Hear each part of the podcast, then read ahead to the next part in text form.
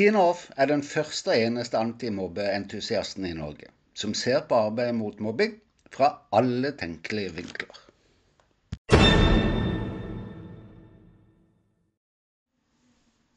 Det er vel én ting vi kan enes om akkurat nå, nemlig hvor annerledes dette skoleåret har vært. Ikke bare for skolen, men for alle. Med hjemmekontor med eller uten barn, delvis på kontoret, omrokeringer, planer på bakgrunn av beskjeder og ikke minst kontrabeskjeder.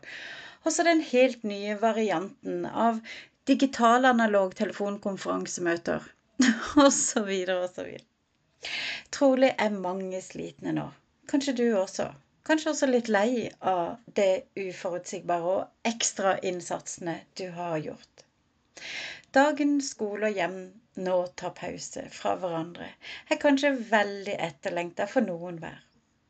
Uansett, jeg skal fatte meg i korthet i dag og kun oppfordre deg til en liten ting før sommerferien setter inn for barna. Velkommen til episode 31.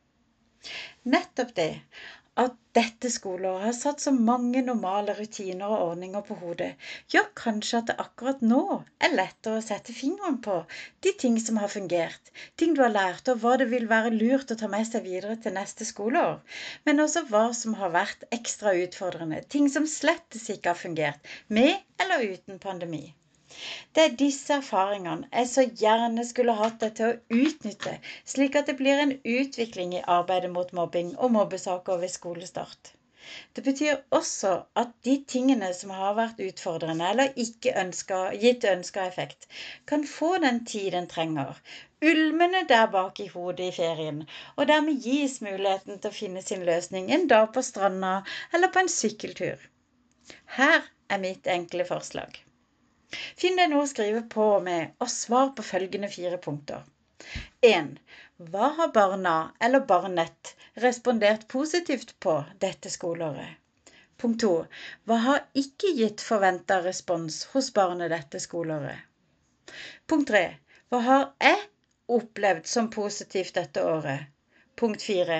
Hva har ikke fungert godt for meg?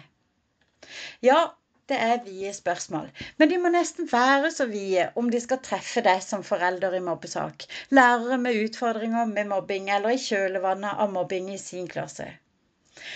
For rektorer, hvis det er det minste futt og fres igjen å oppspore, så vil jeg oppfordre til å gjøre noe som kan være, trolig være tidenes mest positive gest, nemlig å sende ut en e-post til disse foreldrene, til FAU, og så en til lærerne med disse spørsmålene. Hvorfor? Vel, er det ikke sånn vi lærer å komme videre i alt vi gjør? Tilsier ikke de 65 000 beskjedene fra barn og unge om at de opplever mobbing, at vi må videre i arbeidet mot mobbing? Og ikke minst alle de som ikke våger å si fra i det hele tatt. Hvem bedre å lære av enn nettopp de med konkrete erfaringer, som lærerne og foreldrene? Når en vet litt mer om hvor skoen trykker, er det jo så mye lettere å finne løsninger også, er det ikke? Og så, foreldre, et tips til dere til slutt. Hvis det ikke skulle dukke opp noen e-post fra rektor i din innboks i år, kanskje det hadde vært en idé å likevel sende av gårde listen over punkter som kan bidra til fremdrift i mobbesaken? Kan du sende den til rektor, lurer du kanskje på. Klart du kan! Konstruktive innspill er aldri feil. Og trenger du det, kan du alltids hilse fra antimobbeentusiasten. Og FAU, vær så snill å lage en sånn liste dere også, og send. Jeg håper læreren gjør det samme. Et samla bilde av alle parters erfaring av dette skole kan nemlig by rektorer på positive overraskelser over tingene aldri hadde trodd ga barna effekt eller virka positivt. Måter å følge opp barna på som ikke har vært testa ut før, som har vært ok. Nye ordninger som kan bli til rutiner, osv. osv. Det kan også synliggjøre ting og finne nye løsninger på gjennom justeringer.